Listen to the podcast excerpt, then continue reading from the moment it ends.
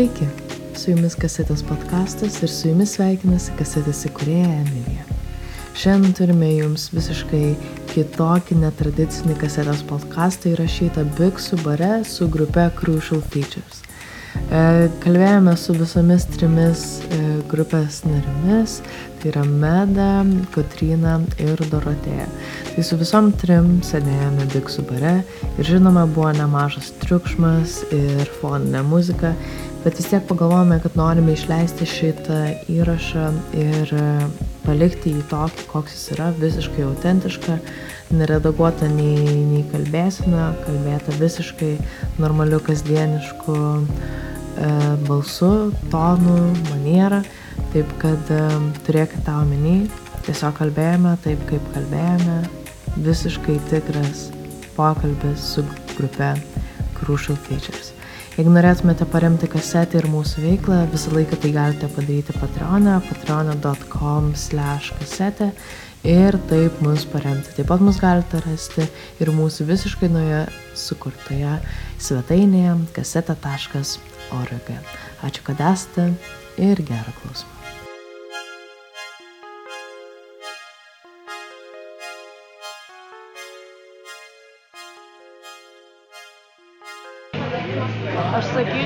Mes vis tiek uh, sakom dalykus ir skundžiamės dalykais naujame albume, bet galbūt retorika yra šiek tiek kitokia. Aš sakyčiau, kad mes pradžioj buvom labai uh, gan tiesiogiai išnekėjom apie dalykus, mm. ten, kad vaikas neprekė, ten homofobija. In your face, in your face. jo, jo, jo dabar momentais būna daugiau poezijos, momentais būna daugiau galbūt sarkazmo ir satyros, ta, taip kaip mes kalbame šitam naujam albume, mhm. bet vis tiek e, problemas dažniausiai būna socialinės, nors kartais skamba kaip bairis. Vis tiek tam yra kažkas. Toks pasityčiojimas iš dabartinės situacijos. Maždaug jo. Šiaip apskritai mes, kai atėjom, tai mes visą laiką nešim kažkokią idėją, niekada nebuvo toksai grojimas tiesiog gal savo, man atrodo. Apskritai gal šitas bandas susikūrė iš tos, iš tos pozicijos. Ir dabar kuo toliau mes net turėjom tokį, man atrodo, pokalbį kažkurio momentu bendė, kai e, norėjom parašyti naują albumą ir tas naujas albumas, jisai kažkaip bent jau man, ir kiek kalbėjau su Meda ir su Dora, tai buvo, norėjosi kažkaip išreikšti mintis kitaip, kad jos nebūtų visiškai tiesioginės, kad ir kitiems žmonėms nebūtų, kad, būk, kad jie galėtų atrasti tai muzikai kažką naujo, mm. kiekvieną kartą klausant. Kad daugiau interpretacijų, kaip sakant, būtų, Taip. o ne tik tas tiesioginis, supras kaip yra ir čia daugiau ne, neturi vietos mąstymui. Už šitą labai aprišeitina nes e, man atrodo, man kažko tokio ir galbūt trūko klausant jūsų pirmo albumo, kad toksai, ok, straightforward, labai aiški žinutė, bet tada tu paklausai ir toksai, nu, aš ties, tiesiai taip sakant, tai taip ne, nepagalvodavai apie tai, ką tai reiškia. Tau jau viską pasakė, tau nereikia per daug mąstyti. Nu, bet čia tik tai iš lyriksų, žinai, pusės ir žiūri, žinai, toksai atrodo mąstymą nereikalaujantis, tau pasakė, tau išrėkė, irgi hiperbolizuoju, bet tiesiog tas toksai, okei, okay, nu okei, okay, nu taip yra, nu taip yra, nu kaip. Ir kas Šiaip, iš to, žinai. Galima pastebėti, kad pavyzdžiui, mes tą e, išleidom, tai kad e, šiaip Badmetis buvo ne pirmo, paskutinė daina parašyta ir spėjau, jai gal buvo vis tiek, kad ir kaip tiesiogiai buvo, bet buvo daugiau, daugiau interpretacijų negu prieš tai. Tai e, mes tą linkmę labiau stengiamės judėti. Aš kai įstojau į bandą, tai aš buvau prieš maždaug tris metus. Mhm. A, ir kai aš klausiau jų gabalų, prieš, prieš važiuojant bandant groti su jom, mane, mane kažkaip pagavo tas tiek tiesmukiškumas, mhm. toks sakymas taip kaip yra, nes kartais reikia pasakyti tiesiai šviesiai, kad žmonės išgirstų, yeah. o Lietuvai to labai trūksta. Bet dabar man labai, aš labai ieškau pokyčių šitam albume, kad tas tiesmukiškumas, jisai yra, a, jisai yra brandesnis žymiai. Taip, taip. Ir jisai pasireiškia labai žymiai kaip profesionalesniai formai, taip pat ir techniškai. Aš manau, kad skiriasi gan ženkliai nuo mūsų EP. Bet gerąją prasme. Taip, taip, taip. Atrodo, kad galbūt aiškiau atrado savo kažkokį identitetą, gali tai būti. Nu, kad, tipo, jeigu jau kažkoks subrendimas, tai vis tiek link kažko tai buvo. Nebuvo iš viso kažkokių tai ten, nežinau, parkių ties tuo, kas mes esam ir kodėl mes čia esam. Ar visą laiką viskas taip aišku visom buvo. Aš tai manau, kad tai yra tiesiog kita forma, kad galbūt mes neturim būti vienas kažkoks dalykas, o Jo. vis keisti, keistis ir kažką Transformuotis. eiti ir panašiai. Tai jo, tai jeigu tas EP buvo vienoks, šitas albumas yra biški kitoks, gal trečias iš viso, nežinau, Dar tiesiog. country music. Why not? Apie, apie, nežinau ką. Bet pats identitetas kaip toks jisai nesikeičia, jisai gal tiesiog prasiplečia. Tiek. Jo. Gal tiesiog pradedam kalbėti apie daugiau dalykų iš e, šitos praeisnės perspektyvos, bet taip, tuo, ko mes buvom pradžioj, tas nepasikeitė, man Jo. atrodo. Tiesiog prasiplėtė mąstymas. Nes aš nuo pat pradžių labai, nu, yra grupių, kurios tokios yra, tipo, neaiškus apie ką ir kodėl, ir yra grupių, kurios yra labai aiškus, su kokia mintim jos eina. Ir, nu, čia jau aš taip specifiškai kalbu apie, žinai, įvaizdį, brandingą, ta prasme, kaip jūs atrodot viešai, žinai. Nu, pavyzdžiui, nes yra grupė, nu, kur, tipo, nu, nes, nesupras, tipo, kuria muzika, muzika lyg ir nieko, bet, nu, toksai plaukėjantis įvaizdis, o yra grupė, pavyzdžiui, jūs man labai išsiskiriat, nu, kad labai aiškus tas toksai, kas jūs esat ir kaip jūsų Instagramo feedas, pavyzdžiui, atrodys. Nu, ir tokie, nu, tau, ko laukti. Arba yra, pavyzdžiui, arklio galė, kurių visas šit pausinimas ir visas mūdas, aš nežinau, ar jūs juos sekat, bet, ta prasme, tie, kurie seka, get the mood, ta prasme, get the mood. O, o dar, pavyzdžiui, nu, kadangi mes Lietuvoje labai daug mergų bendų neturim, kitas turbūt būtų šiši, um, tai pas jas irgi, man atrodo, labai aiškus identitetas ir įvaizdis ir kaip jos išdirba. Ir aš tada galvoju, ar čia dėl to, kad panos ir jos labiau apie tokius dalykus galvoja, ar čia, ar čia tiesiog, nes kai kurie žmonės labiau stengiasi, o kitiem biški pokai ir tiesiog putautina muziką. Ar čia buvo kažkokie apmąstymai pas jūs apie tą, nu, ne taip, kad tiesiogiai mes sėdam, koks mūsų įvaizdis, bet kažkokia bendra mintis to. Bet čia turbūt pačioj, pačioj pradžioj nebent tai buvo. Aš nemanau, kad kada nors mes apie įvaizdį ten labai... Nu, aš atsimenu apie, apie įvaizdį šnekėjom, kai grojom pirmą kartą gatvės muzikos dienoje, sakom, davai ateinam visos su suknelėm. Jo, davai. Žiauriai. Bet, nu, tipo, Bet čia buvo pats pirmas ir paskutinis kartas. jo, kai kai mes ten tarėmės dėl įvaizdžio. Uh, bet šiaip tai manau, viskas čia labai natūraliai gaunasi ir, I guess, tiesiog kiek grupė pati iš savęs ten stengiasi tuo užsiimti. Nors niekada mes ten žodkai stengiamės. Mes tiesiog Tiesiog vaibas. Bet čia tada jums labai gaunasi, kad pasisekė, jeigu visos gėtina tą vaibą, žinai. Nes būna kartais kai kurie žmonės, nu, šiek tiek, nu, viena grupė, vienas bendas, bet kažkuris vienas, nu, toksai, pavyzdžiui, labiau solidžiau atrodantis, kitas ten biškai kitaip ir nėra to tokio, nu, vientisumo, ko man, kaip profesionaliai žiūrint, kartais norisi. Bet reikia to vientisumo, man atrodo, kad Jo. reikia. Reikia gal idėjiškai kažkokio, Taip, taip. kad nebūtų labai didelis skirtumas tarp nuomonių, jo, kad nebūtų, kad netaptų hipokritiškas, bet, bet iš esmės man atrodo, kad, nu, nėra taip svarbu. Jo, nes muzika visgi yra, nu, bendai yra apie muziką labiau. Ir šiaip mes, man rodos, ir visas klausom labai skirtingos muzikos iš labai skirtingų perspektyvų. tai e, tas, manau, irgi prisideda. O ko klausot? Tai man tada įdomu, kuri, kokio, kokio, koks žanras, kas čia susimešina. Nu, Meda, pradėk. Aš pastaruoju metu klausau labai daug 80s pop. Mm. Ir 80s pop ir hardcore punk. jo, ir dar kartais e, Eurodance, tų visų Liuchen, ten Gigi D'Agostino. toliau. Varysiu į koncertą. Wow. Nice. Aš, aš, aš irgi labai labai įvairiai klausau. Ten nuo, nuo dead roko iki... Prašau,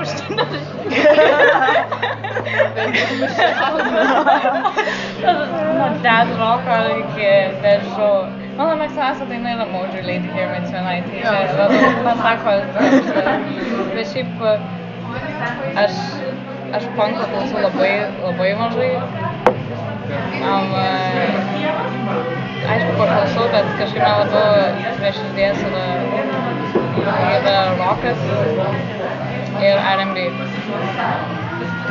Visi, vat, mes, pavyzdžiui, kai buvom, kai grojom Berlyne, tai man kažkaip, mes ten turėjom tokį Liną didžiąjų prieš pat setą ir jisai mums paleido Lady Here Midnight, mes visi prašėm ir po to buvo žiūri geras setas, tas man patiko. Reikės, manau, šitą praktiką pakartoti. O šiaip tai, aš tai irgi taip visai įdomiai klausau dalykų, nes vieną dieną gal norisi labai trankiai, kitą dieną gal labai, labai tyliai pasibūti su muzika. Tai pavyzdžiui, vieną dieną klausau techno, kitą dieną klausau hardcore. Mėgstu visai uh, How Anthemų paklausyti, kaip Megan Thee Stallion. Um, uh, R&B mėgstu labai daug skirtingų stilių ir man tai man patinka atrasti kažką naujo. Tai toksai Jo, aš pamiršau techno paminėti. Neįsivaizduoju, bet mes su Katrina turim savo playlistą. Bendrą? Recordinį, jo. Kada nors išleisim. Išleisime visuomenę, kai jau bus toks. E, Aš norėčiau paklausyti, labai man įdomu, ką, ką konkrečiai iš techno klausote. Ne, rimtai, nes aš, pavyzdžiui, su techno, tai, nu, dabar, žinai, pas mane iš viso santykio su techno nėra. Ir aš jaučiu, kad, nu, ta prasme, vien iš įdomumo dėlės norisi pasižiūrėti, kas tenai vyksta ir suprasti tą mentality, kas tenai ir kodėl. Nežinau, bet man tai atrodo visai žavu, nes labai nice šokti pagal tą muziką. Jo. O kai man patinka pajudėti, tai Patinka pajudėti, ką jinai turi omeny. Aš atsiprašau. Um, jo, o čia dabar jau užsiminė ir apie Berlyną. Jo. Ir aš iš karto pradėjau galvoti, kaip jūs ten patekot. Kurį sykį? Jo, nes mes buvom du. Pirmas sykį. Pirmą sykį man parašė, yra tokia, toks housing project, Neves kvotas, Queer Feminist vieta. Ir viena lietuvė ten gyveno, nu, jinai vaikystėje gyveno Lietuvoje, bet dabar ten gyvena, nu, žodžiu. Tai pakvietė, sako, o, kruši, kruši ir šiši, mačiau, jūs ten grojot koncertus kartu, davai atvarykit čia. Šiši nepasirašė dėl priežasčių, mes pasirašėm ir galų galę atvarėm. Tai maždaug taip. Šiaip visai mano tėtis nuvežė. Jo. jo, tai buvo toks, nes tėtis norėjo pasidaryti kelionę, tai tokį turėjom. uh, Kaip tėtis su jumis išgyveno? Ne, tai mes negyvenom kartu Berlyne su juo. Nes mano šeima važiavo atskirai, mes važiavom atskirai ir gyvenom skirtingose vietose, bet šiaip pati, pats kelionės vaibas tai buvo kartu. Nice. nice. O pavyzdžiui, nu, iš tų logistinių dalykų, tai viską jūs jau pačios pasidaro? Neturit kažkokio žmogaus, kuris helpina tokiais atvejais? Realiai yra. O viena iš jūsų kažkur atsakinga už tai, ar tipo kaip išeina? Šiaip Nu, tipo, Katrina daugiausiai užsiema, bet, nu, ka- kartais pasidalinam. Šiaip jo, šiaip nežinau, vienam žmogui yra labai sudėtinga viską padaryti, tai aš visą laiką stengiuosi kažkaip, kad tipo, dava, kas nori šitą pasimti, kas nori tą pasimti, kas ir taip kažkaip pasidalinti tuos darbus ir taip žymiai paprasčiau. o nebuvo kažkokio noro nusirasti žmogų, kuris už tai už jūs darytų, nu, čia tipo vadybininką, ale. Man atrodo, kad problema buvo tame, kad mes, kai išleidom su Vetyną, mes tą, vadyb, nu, mes tą vadybą gavome ir visai greitai. Ir tada kažkaip pamatėm, kad mums, um, kad mes norim gal labiau įsitraukti į visą tą veiklą ir tada tiesiog gavosi taip, kaip gavosi. Faina turėti dalykus savo rankose Jo. ir, ir pačiam komunikuoti. Atrodo, kad per daug kontroliuoja? Ne, tai, kad per daug kontroliuoja, gal tiesiog norėsi būti ar, arčiau, arčiau viso proceso. Tai ką, Jo, nu, ką, ką tada- atėmė iš jūsų? Nu, ta prasme, ką sakė socialinės medijas, aš dabar tvarkau, ar kas? Ne. Ne, man tai labiausiai kliuva taip, kad komunikuoja tas žmogus su viskuo pats. Jo. Ir tada tu negali atsakyti ten, kas tau ok, nu, gali atsakyti, kas tau ok arba ne nu, iš išai pizdį ir visam, viskas aišku. Bet, e, bet, nu, jo, Kažkaip nežinau, toli jaučiausi nuo to pačio viso proceso, tai tiesiog atvažiuoju suprasti. O nes nori, nu, ta prasme, nu, vadybininko tikslas yra tiesiog sumažinti jum tipo teoriškai darbų, kad galėtumėt gyventi tiesiog muzikoje ir muziką ir pernelyg ne, negalvoti apie kitą. Ir jums atrodo, kad nutukimas toksai biškai. Nežinau, gal vis tiek norės daugiau komunikacijos turėti su tais žmonėms, su kuriais mes e, tariamės ir bendraujam. Ir nežinau, man asmeniškai tai patinka tas menedžinimo darbas. Jisai toks labai, nežinau, negali sakyti, kad jis yra labai suartinantis, bet jisai tiesiog kažkaip gal tokį žmogiškesnį ryšį mhm. padeda atrasti su, su, su žmogum, kuris nori, kad tu grotum pas jį arba Jo. Nu, kažkas iš tos pusės. Ir po to tas, Nes realiai turėt vieną kažkokią tai žmogų, kuris jums padėjo ir po to tokia biškė atmetimo reakcija gavus, ne? Kažkas tokio gal panašiai, bet e, pasakau, čia manau, kad gal mes, kadangi ėjom visą laiką iš tos idėjos, uh, ir šiaip pankrokas iš esmės yra toksai gan DIY reikalas, tai jisai toksai visą laiką norėsi kažkaip būti įsitraukus tame. Net ir dabar, vat, kaip uh, norėjom padaryti viršelį eventui, labai norėsi kažką tokio Savo. savo padaryti, tai padarėm sekretą su Justu Urbanavičiūte. Tai va. Tiesiog- irgi pasidarytas.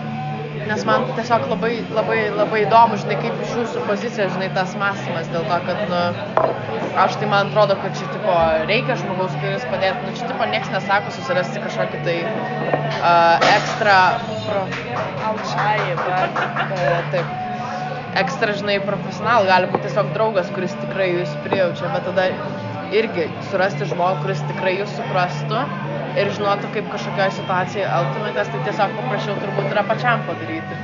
Ypač, kai Lietuvoje turim tiesiog labai daug blogų vadybininkų situacijų. Nu, ta prasme, mes čia vakar irgi visą diskusiją grinai apie tai buvo, kaip daugelis vadybininkų Lietuvoje, jie tiesiog išnaudoja atlikėjus.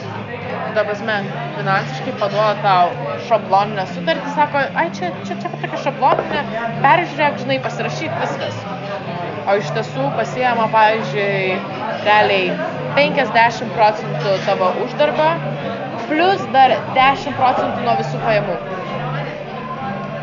Kalėvė, ką kalėvė. Nu, tipo. Ir aš tokia, čia rimtai tokie dylai ir man pasakė, kad visgi tokie dylai egzistuoja ir pas mus Lietuvoje.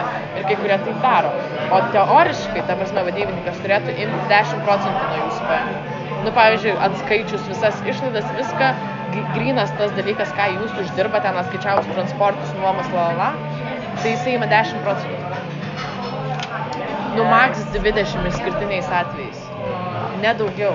Nežinau, gal iš tos labiau vadybinės pusės gal mums kada nors ateity praverstų turėti kažkokį booking žmogų, kuris turėtų daug kontaktų ir galėtų mums padėti užbooking konsus lengviau uh, arba kažkokį logistikų žmogų, kuris pradėtų Taip, važiuoti. taip. tai- nes Tai čia būtų labiau agentas, viena, jo. Bet, bet tai vis tiek nėra tiek vadyba, kiek, kiek jinai Grynai konsų suvokiama. dalykas.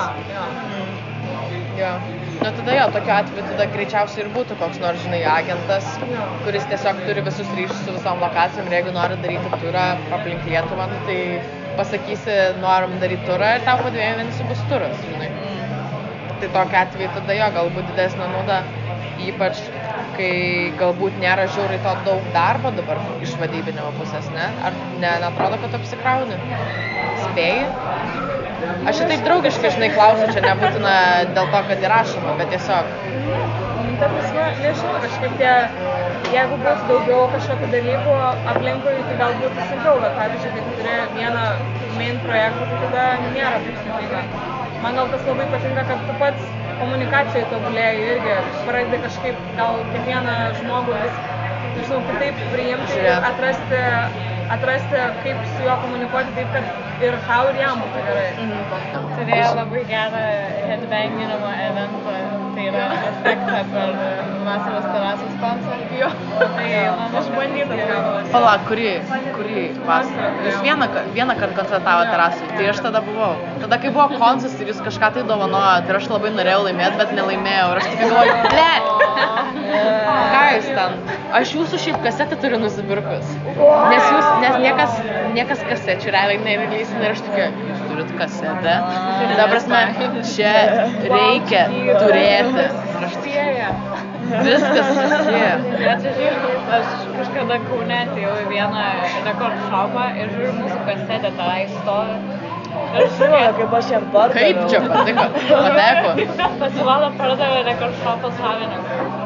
Jo, jo, jo, nes tada boškai, kai mes buvom, Jo, jo, sako, jo, jo. aš čia pardu- parduodu vinilus, jūs gal norit, tipo, Piu, piu, piu, piu, porą kasečių. Davai, dilas, dilas. Aš parduosiu, bus. Wrestling forever. O, dievo mano, nice. O aš tipo, gal brangiau net. Dešimt. O jūs po penkis? O jūs po penkis, ne? Jo. Tai blėt, pizdėts profitas. Išnaudojo. Išnaudojo. O jūs kur nors dar nešėte rekord shopus, kad pardavinėtų jūsų, jūsų Mes labai limitas turėjom. Jo, čia buvo... Toks buvo toks labai secret reikalas, nes mes turėjom jų tik tais 40. iš viso. limited Kasečių? Jo. Ir aš vieną turiu. Čia yra kolek, kolekcinis reikalas, žinai. Eik tu savo. O labai brangus dalykas kasetės. Ta prasme, kaip tai įvyko? Kodėl iš viso kasetės? iš nusprendėt Padėjo Dead Mickey Records, uh, kas ten anksčiau leisdavo ir punk rocko, visokius underground dalykus, bet dabar nelabai to užsiminėja. Tai jo, tai mes kažkaip tiesiog nusprendėm padaryti, nu nes vinilus tai čia blemba, Labai mainstreaminis jau. nu, ne tai Brangu, neįsiminęs, bet kol tavo atsipirks, taip net ir... Nu, žodžiu, Bet, nu, žodžiu. dešimt metų karjerą ir dar neatsipirko, ble, tie pirmi vinilai. Jo, jo, jo, mes ir biškitingi, ir dar kažką, sėdėti, tai blemba, nu nesąmonė. E, tai jo, tai aš prisiminiau, kad ten Mikė yra, paklausiau ten to žmogaus, sako, jo, davai aš jums padėsiu. Šiaip visai įdomu, nes dar e, mūsų draugė viena vežė kasečių, tos, nežinau kaip vadinasi, kasečių keisus, tai Jo. iš Anglijos. Nes mes užsa, norėjom būtent tokių spalvų ir e, Jo, pačias kasetės, jo, tas, nes pačių Taip, taip. arba raudona, arba ta Arba žalsvai geltona. Aš raudoną turiu. Tai. Jo, tai mes darėm dviejų Raudoną spalvų. platą. Jo, Ir vežėmės iš jų upo. jo, ten tos lipdukus ant kasečių irgi ranka ten. Eik tu sau. Užklijuodavo. Eina savo. Visiškai DIY. Mamos draugas turi spaustuvę, bet spaustuvę biškai pigiau. Prasisukti situaciją. tos dėžutės iš viso second handinės. Nu, žodžiu. Žiauri DIY, viskas ten. Nu, bet čia yra gera istorija, nu, ta prasme. Kodėl niekad to aš negirdėjau. Labai turim kažkaip tokių daug Jo, įdomių istorijų, sakėm, gal leisim kokį nors kūdinį per... Jo, reikėtų komiksą pasidaryti. Komiksai? Manau, jums tiktų. Jeigu toks meršas būtų Crucial Features komiksai. Mes turėjom Su jūsų istorija. tai. Tai va. Nu, čia tik tai idėja, ta, bet ta prasme, jeigu, jeigu, ta prasme, čia būtų labai revolutionary thing, jeigu jūs pradėtumėte, žinai, komiksus leisti, bandas leidžia komiksus, tai būtų visai naujas dalykas. It's interesting thing. Ta prasme, ką tu gali parduoti apart muzikos? Save, savo kūną. Um, uh, oi, mes prieėjom prie feminizmo. Ne, ne, Emilija Tvardikis. Bet jo, o noriu papasakoti apie albumo įrašus, kuris yra, ar nu, jis baigtas jau, ar ne? taip, taip, taip, taip. Jau Full-on. senokai. Baigtas. Ne, kad labai senokai, bet mes jau turėjom įrašus gruodžio mėnesį. O kodėl tik tai kovą išleidžia? Dėl to, kad norim Nes pasidaryti nepateksim į metų 50-ukus. Ką? Dėl to, kad norim pasidaryti klipą kažkaip Properly. Taip, e, ir kad nereikėtų skubėti su dalykais. Okay. Tai pirmi įrašai irgi DIY, kaip jūs įsirašot, ar jūs einat kažkur į legit studiją, ar viską darot pačios? Viskas ležit studijai. DIY nebuvo visai. Ėmė audio. Mhm. Susinorė, dirbame ir labai fainai, smagiai. Bet, e, bet man atrodo, kad e, kai du skirtingi žmonės ir šiaip gyvenime atranda kažkokį bendrą, bendrą ryšį, tai norisi bendradarbiauti kartu. Okay. Va. Tai e, supratau. Jo. Ne, bet čia yra labai tada jums pasisekė, nes pavyzdžiui, mes kalbėjom kažkada su Ego mašina ir jie pasakojo, kaip jie savo pirmą EP albumą išleido ir tipo, kaip jie patys tiesiog vidury kambario pastatė rekorderį ir čia jų yra albumas taip įrašytas. Ir aš tokia, jūs rimtai, jūs tiesiog pasistatėt rekorderį ir tipo, nu, ir jie tai išleido, žinai, Spotify ir tipo, nu, įdomu, žinai, efektas toksai, žinai, very trash mood, žinai, ir panašiai, nu, bet tipo, toksai, tipo, nu, ar mes tikrai negalim geriau padaryti, nu, čia ne dėl to, kad tai yra blogai, ar tas mūdas netinkamas, bet man atrodo, tikrai galima tą didesnę kokybę išpešti, nes, pavyzdžiui, einant ten, nu, Spotify playlistą įdėjus, tu girdi, kur geresnė quality, kur e, biški šūdas, žinai. O pirmą albumą irgi į studiją kažkur normaliai įsirašinėjo. Tai good, good. O pirmą albumą buvo sudėtingiau rašyti negu antrą. Man asmeniškai taip, joms gal ne, dėl to, kad e, taip atsitiko, kad, e, žodžiu, kadangi norėjom išgauti tam tikrą būgnų skambesį, tai tenais yra toksai e, būgnioras Sindre e, ir jisai norėjo išvažiuoti visai, kaip, ir, nu, il, visai ilgam laikui. Ir man reikėjo žymiai anksčiau rašyti savo būgnų partus, negu, negu joms rašyti savo partus. Tai aš rašiau savo partus gruodžio mėnesį, jos rašė gal, nežinau, kovą ar kovą gal, arba vasarį, kažkada jau už kelių mėnesių. Tai man buvo šiek tiek sudėtinga, nes mes buvom pabaigusios sezonas, reikėjo labai atkalt gerai. Nieko neatsimenu. Čia apie pirmą mes kalbam. Apie EP, apie EP, mes kalbam apie EP. Kur tas kovo mėnesį? Jo, tai va, mes labiau link pavasario. Jos rašinėjo, o aš gruodžio mėnesį jau turėjau savo būgną išsirašysiu. Tai sudėtinga buvo. Jo. Bet, bet šiaip apskritai tai manau, kad šitas jau pirmas tikrasis albumas, tai lengvai gan įsirašė tikrai, nes mes ir tas dainas stengiamės daugiau groti live, išsibandyti kaip kas. E, tai va. Man tai į, į paką, kai įrašinėjom, tai man šiaip buvo toksai šokas, nes man buvo labai baisu ta visa pirmą kartą ir studijoje, ir pirmą kartą įrašinėjom. Tai toksai na, labai techniškai sunku buvo. Ir daug teikų reikėjo ir šiaip nu, baisoka. O šį kartą kažkaip techniškai tai viskas lengviau, nes vis tiek esi jau pra, prasilaužęs, bet uh, gal emociškai sunkiau, nes nu, vis tiek bandai ir savo kažką įrodyti, ir visiems kažką įrodyti, kad jau, jau bus geriau. Čia jau tipo quality shit. jo. Tai, jo. bet šiaip viskas smūsai, manau, labai buvo. Mes, kol Dora įrašinėjo, mes su Meda darėm uh, Instagram istorijas su juokingais šokančiais personažais. tai kada nors galėsim vėl pasidalinti tai nieko neįdėjot. Mes įdėjom, bet žmonės dar nežino, kas vyksta. Sneak peek. Nice. Nice. Oh my god. Lietam gabalui labai šrekas tada. Širekas, šokantis širekas. Instagram'e, kur yra tas toksai. Taip, taip. Žiauriai tiko. Jo, man Meda gali parodyti. Ar ten... Aš tai iš karto pagalvojau, ar lyriksuose yra Šireko referensų kokių, tai žinai, aš tai, oh my god, čia būtų, nu, biški next level, žinai.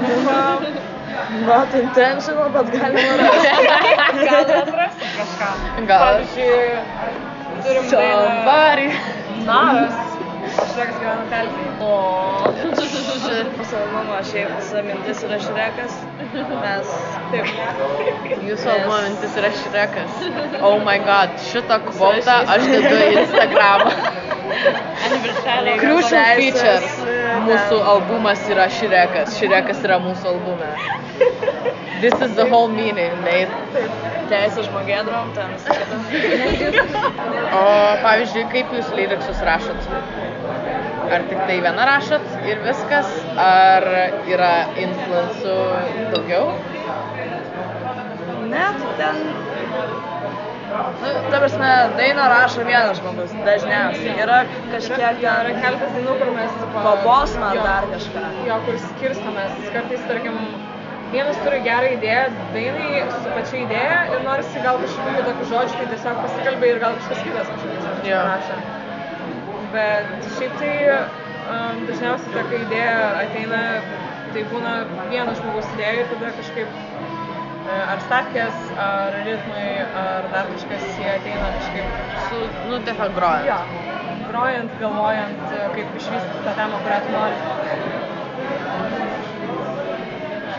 Jo, įvairiai būna. Jo, nes yra ir tokių dainų, kur vien tik aš parašiau, yra tokių dainų, kur vien tik mane parašė, yra tokių dainų, kur ir aš ir Dora parašė, yra tokių dainų, kur jos parašė tiesiog. Tai ta prasme šerinat, nėra taip, Jo. kad viskas ant vieno žmogus Ne. dabar imu ir parašau, žinai. Ne. Tai tada labai gerai, nes e, man atrodo kartais yra biški overwhelming, jeigu vienas žmogus visą songwritingą daro. Nu aš suprantu, kad kiti pagal savo instrumentus dar biški padėlioja ten stabdis ir panašiai, bet jeigu vienas žmogus visą, žinai, albumą, visus žodžius, nu tipo, čia jau reikia labai master, žinai, tokį dalyką. Tai... Bet tada labai išnyksta tas ta perskyra tarp grupės ir e, to Ir atlikėjo jo. tiesiog, man atrodo. Ir tai jaučiasi dažniausiai. Kur tada yra tas tipo main guy, žinai. Jo. Prasme, labai dažnai yra naudojama ir vyriška giminė tam tikriems dalykams apibūdinti. Jo. Arba kartais tiesiog biš, hey biš, žinai. Jūs taip nesakot, gal čia tik aš atsiprašau. Būna, būna. Visko pasitaiko. Gerai, koncas, kuriame beveik nebuvo žmonių, dabar jūs turit pasakoti istoriją. Ar buvo kada, kad tipo, beveik netėjo žmonių, buvo kokie trys žmonės ir tai girti? Paskutinis, kurį pamenu, kai nebuvo daug žmonių, tai kai grojom šį rudenį Kaunės Blossom Hill, bet ten tiesiog buvo nedėkinga data ir Ką mes, me- mes tikrai ne savaitės dieną grojom tenais. Jo, jo, jo. Antradienį gal Jo, grojom, savaitės dieną. Pirmadienį. Ir šiaip mažai promautinom, nes norėjom kažkaip gal tipo, tą promautą labiau pasilikti albui. Ir toks buvo tiesiog gal labiau chill koncas, kur tiesiog mažai žmonių, daug ir nekvietė. dar kirtimų kultūros centre irgi šį patį rudenį, nes kitų aš neatsimenu. E, irgi pirmadienis buvo su Ivanova, kas yra labai maladės grupė, rekomenduoju. Bet e, jo, pirmadienis, ten tipo naujienose, tai aš irgi nebūčiau važiavęs. Savaitės dienom yra sudėtinga surinkti žmonių, tiek. O būna žiemą. Parinatės dėl to? Aš asmeniškai nelabai manau, kad ir... Ne, ne, va, čia, čia, čia, žinai, grinai psichologinis, žinai, dalykas, žinai, jeigu nėra žmonių, tai toksai, tai, žinai, tai kas čia. svarbu deliverinti, svarbu koks. Kartais tie trys žmonės, kurie ateina į koncą, žiauriai duoda energijos atgal. Jo. Tai čia net nelabai priklauso nuo skaičiaus, o priklauso kas. Svarbu ne kiekybė, O kokybė. Kaune, tai tada, kai grojom, ir ne, nebuvo daug tų žmonių, bet jie buvo, man dėl ko patinka groti Kaune, kad žmonės žiūri zaibys ir jie visą laiką prie tavęs ateis po ir padėkos ranką paspaus ir alaus pastatys ir tu tenai dar tris valandas išnekėsi. O Vilniuje arogantiški. Um, ne taip, kad arogantiškai, bet gal tiesiog, kai Vilnius yra toksai didelis miestas, žmonės labiau susiskirsti tam tikras grupės jiems gal sudėtingiau yra prieiti prie kito žmogaus. Pavyzdžiui, čia mes sėdim bare ir, nu, prieėjus dabar pradėjus kalbėti su kažkuo iš aplinkinių būtų keista, manau, Vilniui. Kaune tai nebūtų taip keista, nes Kaune žmonės kažkaip gal artimiau vienas kitą priima. Aš Sako, gal paprasčiau žiūri tokius dalykus. sako, Vilniečiai išpindėja, kažkaip, žinai, gauna daug ir daug visokio kontento ir daug visokių renginių ir tipo tada jau mes labai selektyviai, žinai, labai jau renkamės, kur nueisime, dėl to, kad mes galime rinktis, nes per dieną pas mus šimtas renginių, netiesa. Um, bet jo. išpindėjimo. Nu, aš jas stereotipizuoju, aš ir pati teoriškai Vilnietė esu, tai aš stumiu ir ant savęs, bet tiesiog, žinai, nu, toksai yra. Bent jau man asmeniškai atrodo, kad gal tiesiog a, yra baisiau prieiti, kai yra žymiai daugiau žmonių ir žymiai daugiau skirtingų grupių žmonių. Jeigu, pavyzdžiui, tu ateini su penkiais draugais čia, tai visi ateina su penkiais draugais čia, o galbūt kitame mieste žmonės netaip, netaip tolimai vienas į kitą žiūri, jiems gal įdomu dar daugiau žmonių važiuoti. Ne vien tik šitais, kuriais tu atėjai. Aš pati esu iš Kauno, tai aš atvarius Ir tokia meilė Kaunui, man taip patinka Kaune groti, tai visi tokie draugiški, subjektyvu. Aš labai pradėjau Kauną visiems, kai, Šaunuolė. kai įstojau. Aš į Kauną važiuoju. Labai gerai. Nežinau, kažkokia vis tiek nostalgija, meilė Kaunui tada išlieka. Tai aš pastebėjau tokį dalyką, kad per... ne, nieko. Žmonės kažkaip, kažkaip Vilniui, jie savo, bet tyliai pagalvos, jie su ten grupelį pasišnekės, kaip buvo Zibys, o, o, bet neprieis prie tavęs tą visą pasakyti. O Kaune tai iš karto, iš karto, hello. Tai va šito tai tikrai. Labai daug kas sako, kad Kaune nėra kur grot. Kad nėra vietų. Ir ką jūs esate radę, kur jūs esate groję Kaune? Ar visą laiką toje pačioje vietoje? Ema ir Lemon. Nes Kaunas labai nu, specifinę tokią savo, kaip čia įsireiškia, klauso specifinės muzikos. Mm. PVZ. Tokią kažko panašaus į basistą, į, į flashus, į bar. Nu, bet čia tokius išvardinai, tokias tiesiog Jo. labiausiai mainstreaminius Jo, bet- alternatyvius atlikėjus. Bet dažniausiai a, tokią, to- tokią lengvą roko. Mm. Tai dabar sunku fitint Kaune su tokia muzika. Nes yra tikrai vietų, kur būna groti, ta prasme, pavyzdžiui, sinagoga arba laukas, bet nu, mes tiesiog Ne, nelabai ne, nelabai, jo, nu, ta prasme, kitokio Ir čia yra normal dalykas, tai mes suprantam viskas, viskas gerai. Nu, gerai, aš dabar paklausiu apie koncertus, kuriuose buvo keli žmonės, kur buvo daugiausiai žmonių. Ar jūs kada padarėt sold outą? Ar buvo tokių Mes atvejų? nedarėm niekada tokių bilietų. bilietų soldautai. Na, man buvo tikrai porą koncertų skiliai, kada buvo žiauriai tiršta. Vienas tikrai buvo 16, 16 rugsėjo antrą dieną.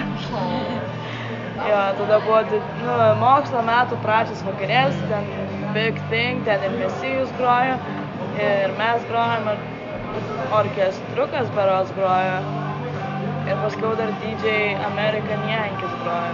Ir ten buvo dar dress codas Drag Queens and Schoolgirls, I think. Ir, ir jo, ten buvo tikrai tiršta ir buvo fainai.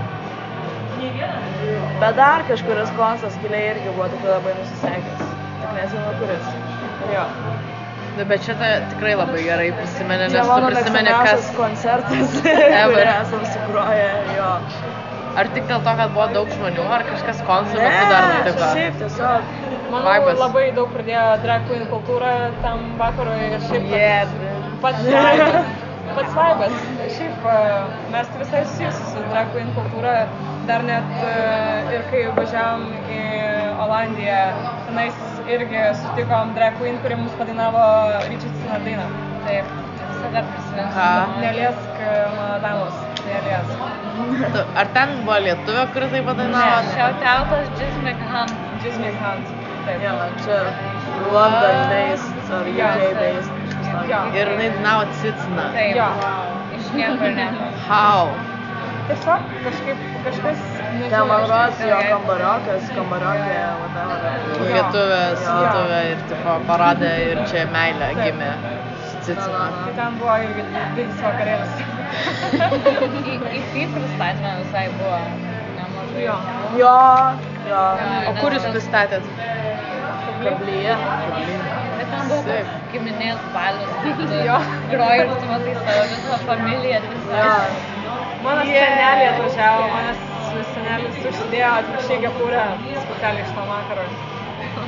Wow. wow. O atvažiavo iš kur? Iš elektrėnų. Nu vis tiek kelionė, žinai. Ne, ne žiauriai toli, nu bet kelionė. Taip.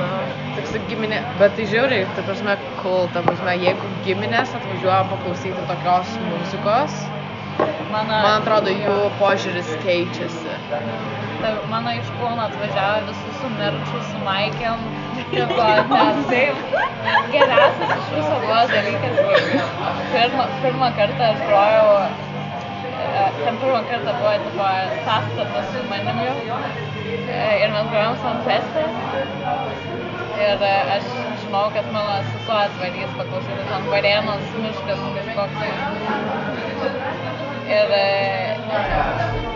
ir aš ten jau stoviu ant scenos ir žiūriu, kad mano sesuo stovi ir mano tėtis stovi iš niekur nieko su kostiumu, jisai advokatas. Mantija ten nusėmęs su, su kostiumu stovi ir toks. Jam ten labai patiko, jisai norėjo pasilikti, bet. Ja. Tai buvo toks uh, heart wrenching momentė. Bet čia tik tai įrodymas, kad jūsų tas target audiences gali būti žiauriai platus. Nu, ta prasme, nuo tokio iki visiškai kitokio žmogaus. Nu, ta prasme, man atrodo, čia būtent ir yra tas toksai žanras ir tokia muzika, kuriai visiškai nėra limitų. Žinai, popsas tai atrodo ok. Jaunimui, nu ir 40-mečiam tėvam, kurie tiesiog klauso radijo. Žinai, ten pavyzdžiui, koks rokas, nu tai tipo, nu, savotiškiem melomanam, žinai. Elektronika irgi labai specifinė, žinai, grupė. Techno, nu čia tipo jūs. tipo, atrodo, kiekvienas žanras turi savo labai, nu, specifinį audienciją. Ir tada ateinat jūs.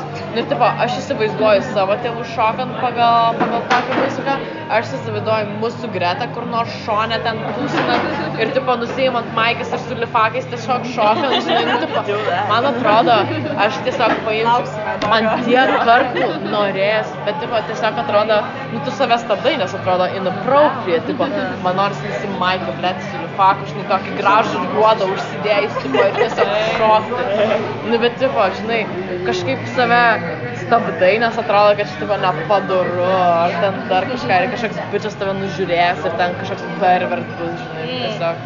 Tai, bet tikrai norisi. Aš tada per jūsų vasaros terasos koncertą, tai man tikrai norėjosi kiek kokį neikti. Nors man atrodo, nebuvo tą dieną žiauriai karšta, bet tiesiog, jo, ta, tiesiog, toksai. Jo, bet ta prasme, in the end, aš norėjau, nes toks mūdas, man atrodo, labai, labai, labai susieina. Tai mes ir norim, kad uh, Alba pristatymo tam koncertas toks, kaip sakau, na, ne giminės gal balis, bet toks balis, kur ir močiutės, ir seneliai, ir draugai, ir nedraugai, ir jauni, ir seniai. Ir, tiesiog. Žiauriai excited. Bamba. Aš norėčiau jame būti, gal pasakysiu. Tai kaip minėjot, labai viskas smooth praėjo, ten tie recordings geriau negu pirmi ir panašiai.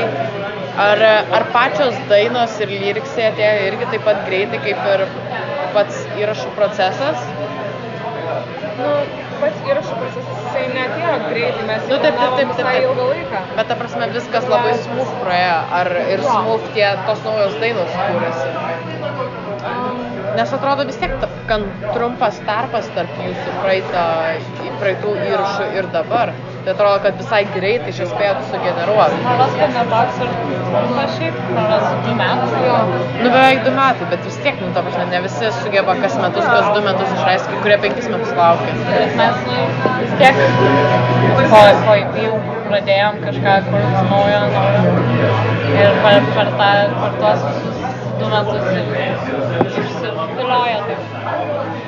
O pagrindinė, pagrindinės galbūt mintis ar tematikos kažkokios eina per visą albumą, pavyzdžiui, kai kurie daro albumą, kad o eina visa istorija, pavyzdžiui, nu, kas nuo ko ten, kaip eina la la ir per lyriksus tai atsišvečia, ar tai yra kažkokia viena vientisa istorija, ar tai yra daug istorijų ir kažkokių kreis dalykų, ar šito mėgstama daina? Taip, visai.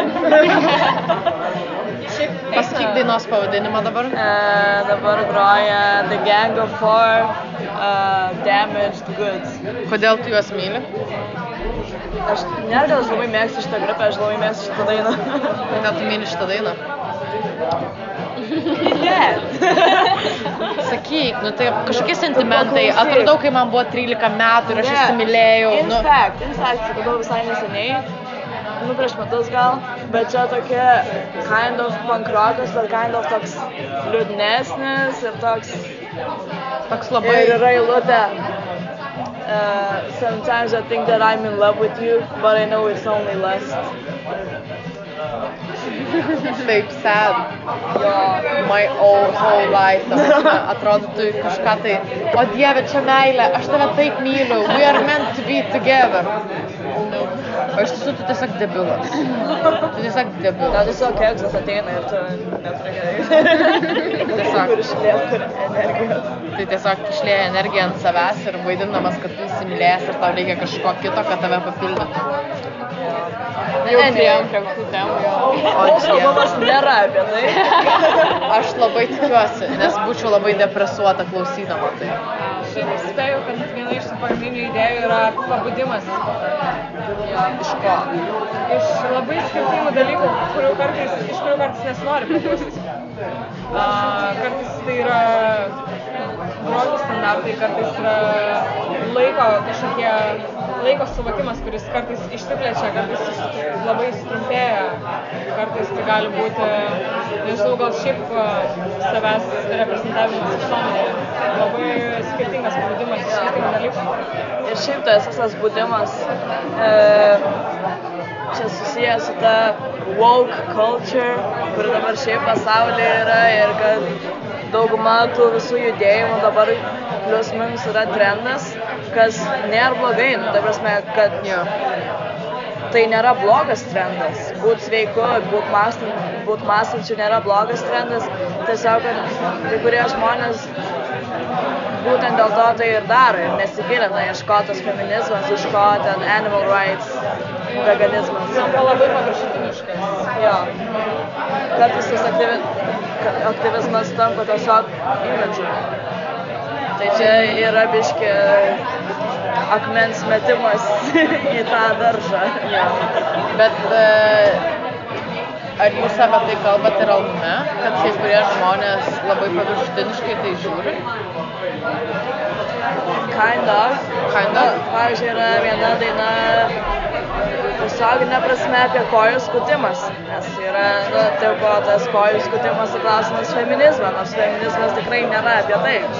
Čia yra, tipo, e, Aš tiek apie tai galvojau. white feminist, nu, ta prasme, e, feminizmas nėra vien tik tai apie įvaizdį ir kažką. Taip, tai yra, aišku, irgi, Dalis. irgi dalis to, bet Nepagrindinė mintis. jo, būtent. Aš padedu trans, ištransliuoti, išversti Teamwork. tą, tą žodį. Man kažkaip dažnai gaunasi, kad aš, pavyzdžiui, nu, yra Danielius, ne, irgi komandos narys mano dešinio ranka ir kartais jisai taip, nu, taip keistai pasako dalykus, kad aš turiu vertėjauti, žinai. Tai va čia vėl vertėjavimas, toks savotiškas užtimo. Viskas gerai, ta prasme. I'm here to help, not to judge, žinai. Tai, e, tai jo, nes žinai apie tą pavyzdžiui skutimąsi, o dieve mano tiek overthinking būdavo. Aš kaip buvau paauglė, aš niekada nesupratau, kodėl net reikia sukristis pažastis. Kodėl? Man niekada niekas neatsakė šitą klausimą, kodėl. Ir aš pamenu, e, protestuodavau realiai prieš savo mamą ir savo sesę, kuri tarp kitko yra jaunesnė už mane. Nes jos abi sakydavo, o, fu, ta prasme, neskusi man. Ir aš tokia, koks man, blėt, skirtumas, vis tiek nieks jas nežiūri. Okei, okay, gal turėčiau berną, žinai, kitaip mąstyčiau. Dabar, kai turiu, tai gal ir kitaip mąstau, nežinau. Bet Nu, ta prasme, iš esmės, tai tipo, kodėl? Čia tokio? Ar jūs kada nors buvot užsiauginę pažastų plaukus iki tiek, kad galėtum glosyti ir būti švelnu? Right now. Man taip, čia toks guilty pleasure. Nu, tipo, kai užauga tie plaukai, čia aš net nesu girta, aš tiesiog esu atvira, atsiprašau. Ta prasme, užauga, nu bent jau koks centimetras ir toks, o dieve, kaip miela, toksai, žinai, kaip, kaip galva, kaip skusta galva po porą savaičių paglostyti, tai čia taip irgi, cute, nu ta prasme. Ir tada visuomenė tave tokia, ble, čia blogai. Tu turi būti, nežinau, švari, in a sense, turbūt. Tai gal čia tą jūs irgi bandot ištransliuoti. Kind of. Bet, Bet tipo, e, tiesiog, kad visada yra pasirinkimas. Kaip tau fainai, kaip tau zaibys, man zaibys, nes kustam kažkam zaibys, žiauriai skustam ir ten baby. Čia yra tiesiog kiekvieno žmogaus pasirinkimas ir nereikia nei grūs nei vienos, nei kitos pusės, man atrodo. Ir kai daug kažką grūda, tu automatiškai turi atmetimo efektą. O jums kada nors atrodė, kad kažkas jums bandė primesti savo nuomonę ar savo pažiūras ir, tipo, efektinti, galbūt ne tiesiog jūsų karjerą, bet apskritai gyvenimą. Tipo, čia taip neturėtų. Šiaip tai viskas veikia kitaip, žinai. Nu čia ne apie pažastis aš kalbu ir tų, tos plaukus, bet tipo, jūs biški ne taip darot, ta prasme, ar kažkokiu tokiu prikišinėjimu nuomonė, žinai. Tai jo, visada, kai esi kažkiek išlindęs, tai visada tau bus žmonių, kurie norės, kad būtum visiškai rediko, bus žmonių, kurie, norė, kurie norės, kad būtų ne, mamos apdovanojimas, whatever, ir Eurovizija. Nu, yra tai buvę. Ar jums tiesiog idėjimus parašo, tipo, varykite į Euroviziją? Komentaruose būna kartais, ypač po sovietino buvo labai jo, jo, Varykite Euroviziją sustokite. Šitą reiks siūsti į Euroviziją. Jo, va šitą, va būtent šitą. Kodėl? Ne, ne, ne mes čia specialiai. Nu taip, taip, taip. taip. Aš kai iš tokių, gal nederėtų tai daryti, gaudavau, va kaip tik kai buvau mokykloje ir stojau į bandą ir kiekvieną rytą, nu ne kiekvieną, bet per savaitę tikrai kelis kartus ateidavau su bosu, nes reikėdavo į Vilnių važiuoti ir matydavo žmonės, kad aš, kad aš groju bende ir kaip aš atrodau tam bende ir man sakydavo, kad čia yra ne ladylike ir kad taip net nereikėtų.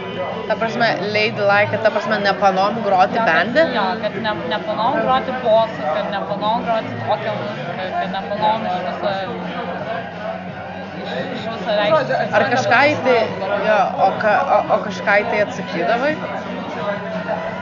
Nes, tipo, aš tai dažnai tokiose situacijose tiesiog tu patyli. Nu, dėl to, kad čia nėra gerai, žinai, visą laiką yra tylėti. Aš tai esu tas žmogus, kuris pernelyg prisitaikantis, bet čia nebūtinai gerąją prasme.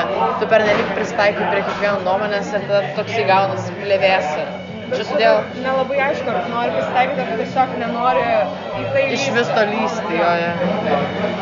Nu, mano e, reakcija pirminė visą laiką būna pasiūsti, bet aš to nedarau, nu, nes Mintyse. mintyse padarau, jo. bet tiesiog nu, iš karto, iš karto pradedi tokia kaip ir ne, ne diskusija su žmogumi, su tokiais žmonėmis dažniausiai diskusijos yra tam Neverta. neverta. Nes nieko nepakeisi realiai, ne? Jo, bet tiesiog pagrindė viską tuo, kad tiesiog e, ne, nereikia dalykų skirstyti į tai, kas yra ladylike ir unladylike, arba kas tinka tai lyčiai arba tai lyčiai, nes tai yra tiesiog nesąmonė. Bet čia vėl yra tokie dalykai, apie kuriuos mes nešnekėsime šią žiūrą.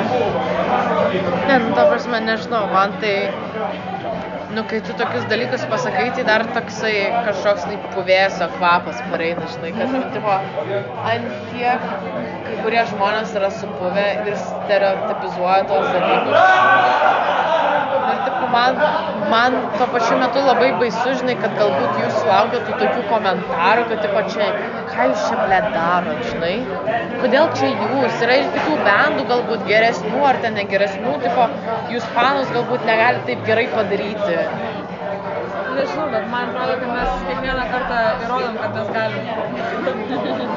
ir aišku, tai yra sunkiau padaryti, nes visą laiką jauti kažkokią konkurenciją visą laiką norisi kažkaip, man asmeniškai norisi padaryti geriau, negu daro kažkas, nesvarbu, pana ar čiūvas, bet tiesiog visą laiką norisi padaryti geriau, negu aš įsivaizduoju, kad galiu.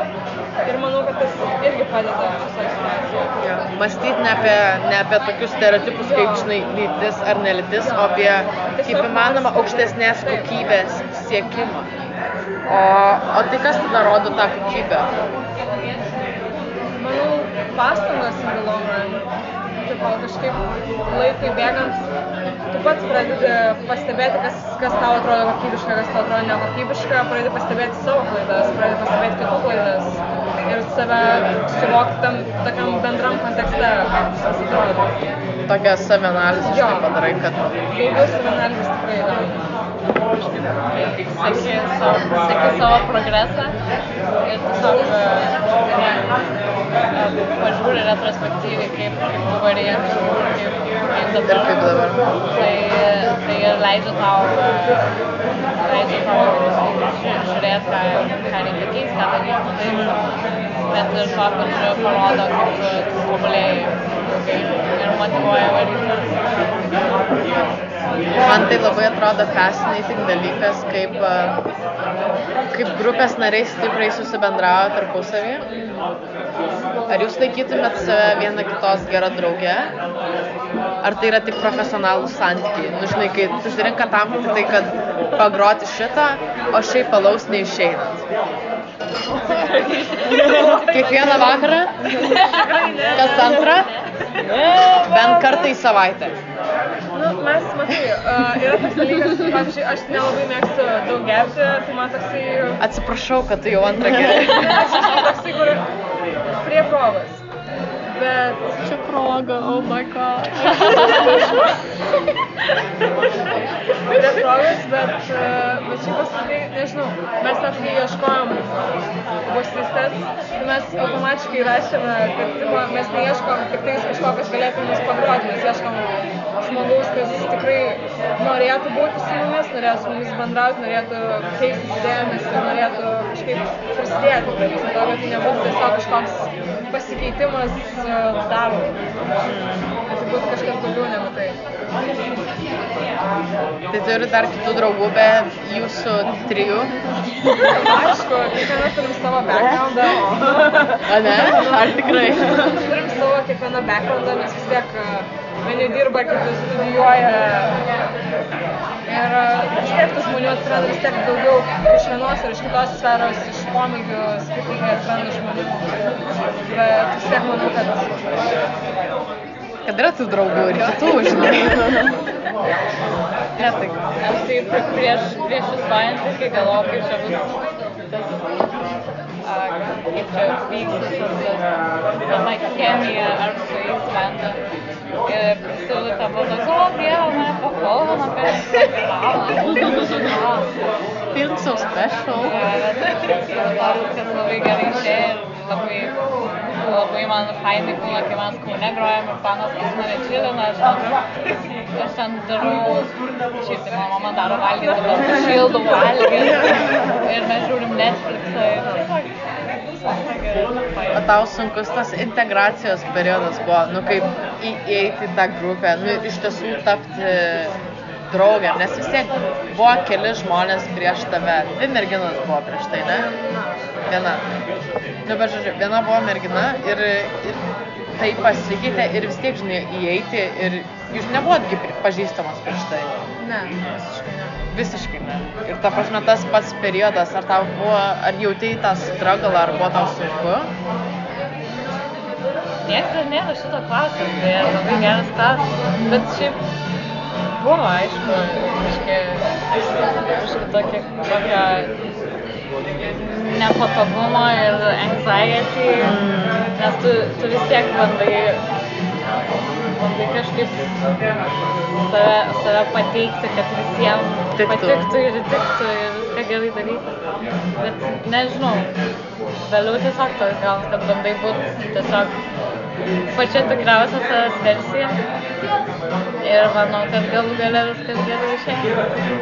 Nu, mes esame apie tai kalbėjusios ir nežinau, man atrodo, kad buvo labai svarbu akcentuoti tai, kad nu, aš kaip prisimenu, tai Dorotėja jautėsi kartais taip, kad e, lyg mūsų medos nuomonė kartais yra aukštesnė negu jos. Ir man atrodė, Nes jautė kad yra labai- lygiavertį, ta Jo, prasme. Ir man atrodė, kad yra labai svarbu pabrėžti tai, kad jos nuomonė yra visiškai lygiavertė negu mūsų ir kad tai nėra kažkoks, kad tipo, mes čia, žinai, pradėjom bendą, tai dėl to tavo nuomonė yra mažesnė.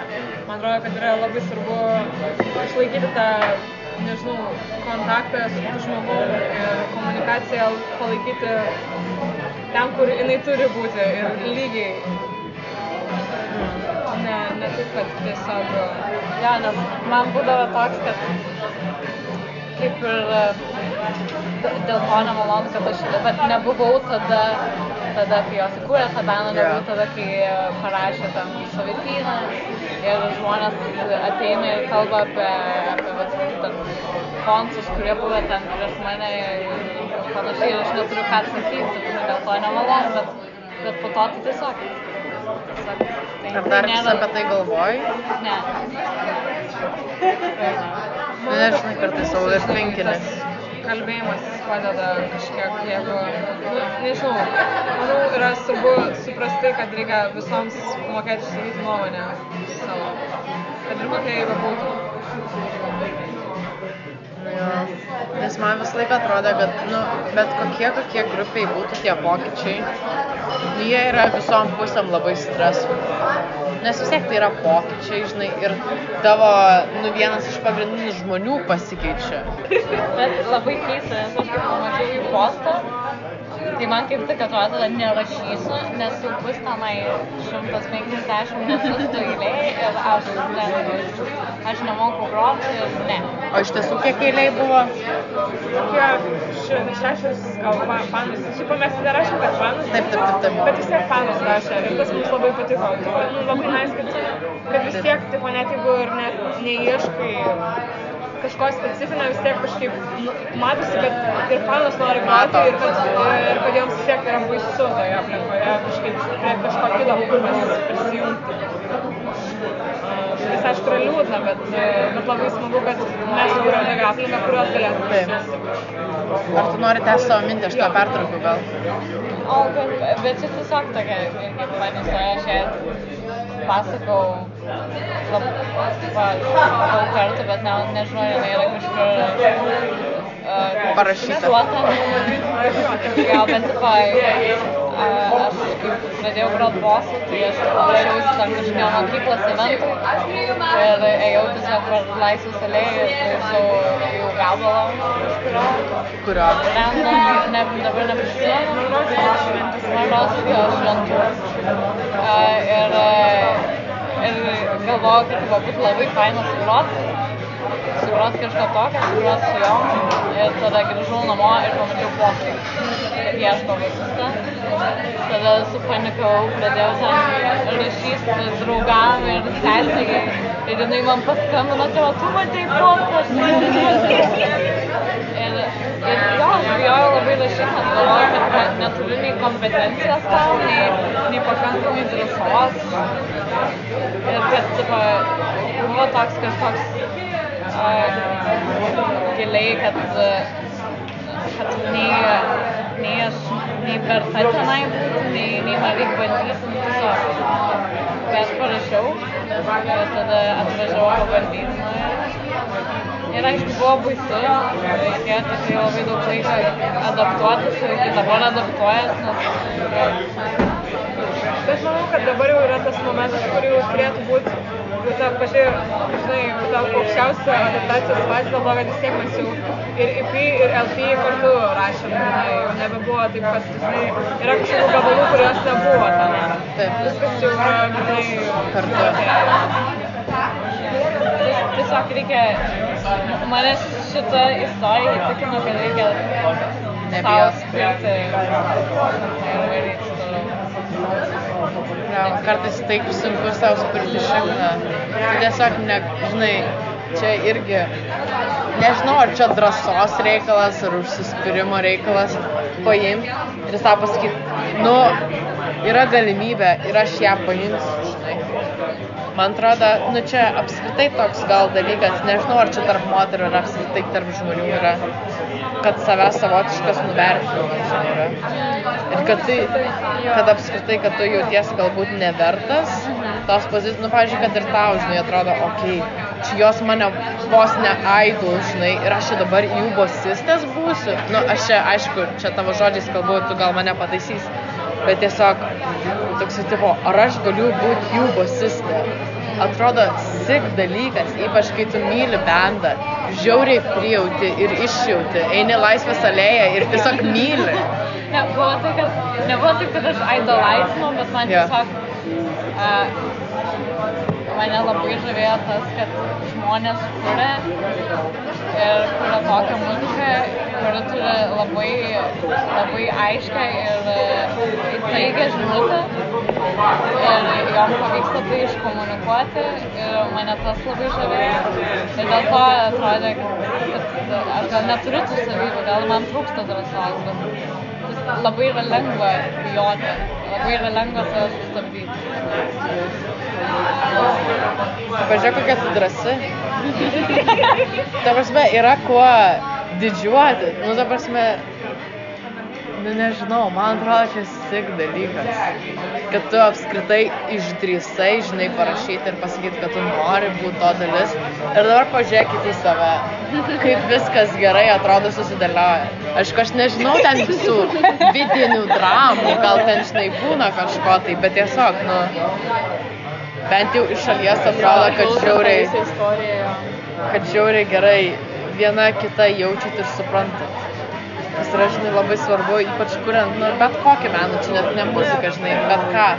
Komandinis darbas, kai tu pajūti viens kitą, čia net krepšinį pritaikoma, ką lietuviai labai mėgsta, žinai. Viens kito pajūtimą, žinai, kokį derinį daryti, la la. Bet čia ir muzikoje. Ta prasme, kokį derinį daryti. Ar jūs leidžia, žinai, savo improvizuoti, ar varo taip, kaip atkalit per repeticijas ir panašiai, žinai.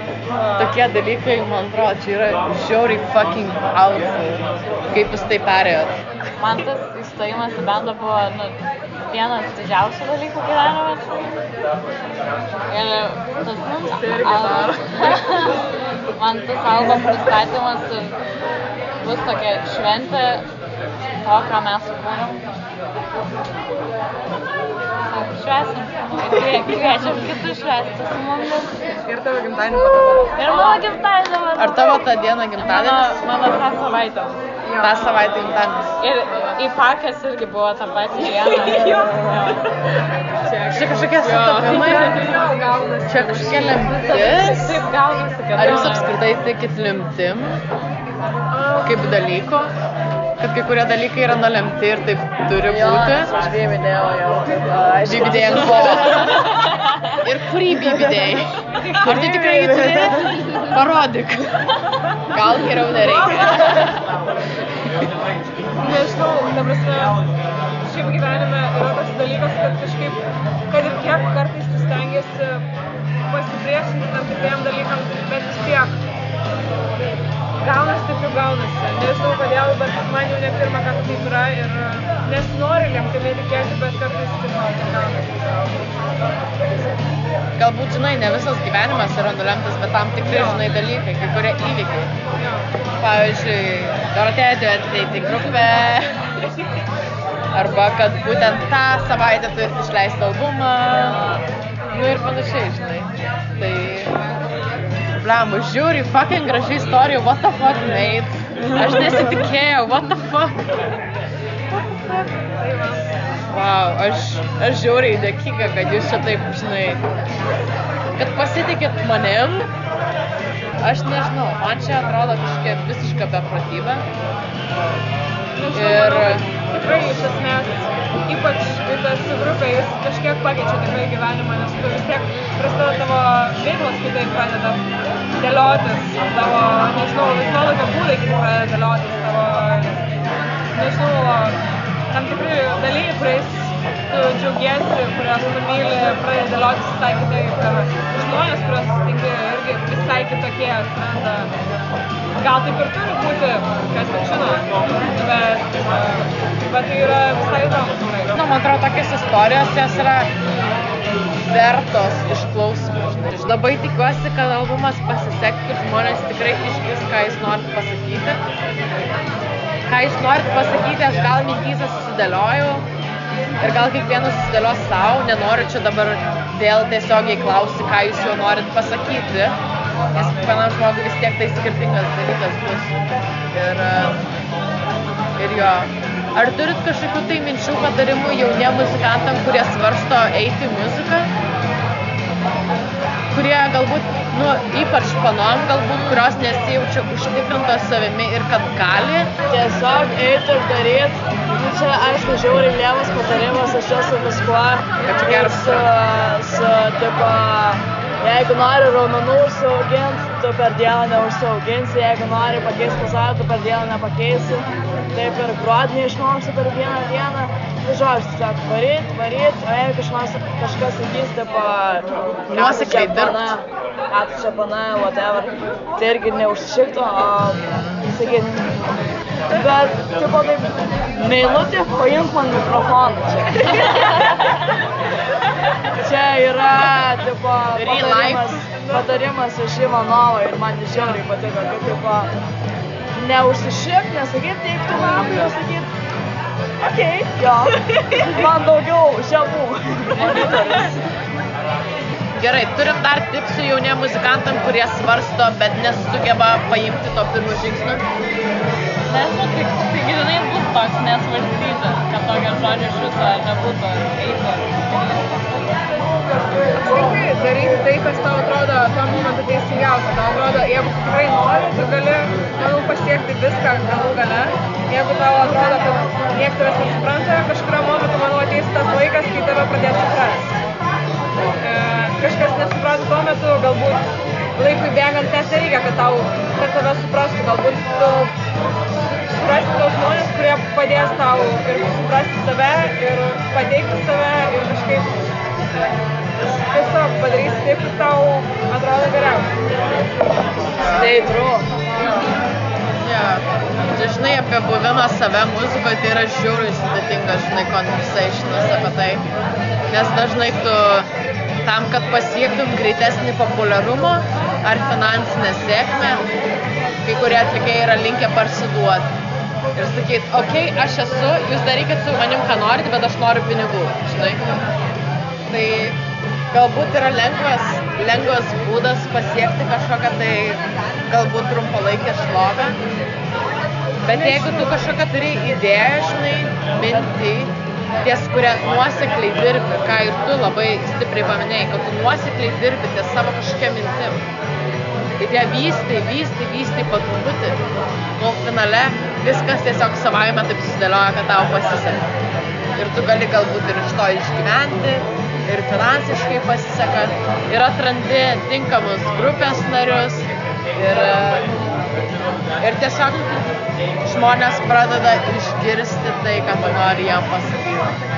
Ir šiaip manau, kad kai tu pradedi kažką daryti dėl to, kad, tarkim, dėl kažkokio pelno, kurio tu tiksliai žinai, tu dažniausiai nepasieki to, nes tu neturi nei motivacijos, tu turi tiktais kažkokį vieną pelną, gal pasieksi tą pelną, bet tu galų gale nebūsi padaręs to, ką tu norėjai. Tai manau, tas yra labai svarbu kažkaip, net ir jūsų projektas, kasetė, manau, jisai uh, gerai, kad jis neina kažkokia pelno linkme, nes pelnas jisai ateina pats savaime, jisai neteina dėl to, kad tu dirbi dėl pelno.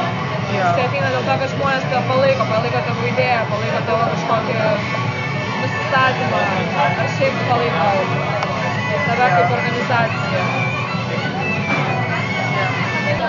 Aš labai tikiuosi, kad žmonės iš mūsų viso šito pokalbio pasirinks kažkokių tai patarimų ir mes išrinksim kažkokių tai įdomiausių, žinai, dalių, kurios tikrai pravers, galbūt ar naujiem žmonėm, ar žmonėm, kurie kuria, ar tiem, kurie dar svarsto, nežinau, aš jaučiuosi labai įkvepta ir tikrai ne alaus, o jūsų. E, ir jo, nežinau, aš noriu baigti šitą įrašą, nežinau kaip, Tai gal tiesiog baigia. Nebent nori dar kažką pasakyti. Ta, ta, ta, ra, ra, ra. Piu.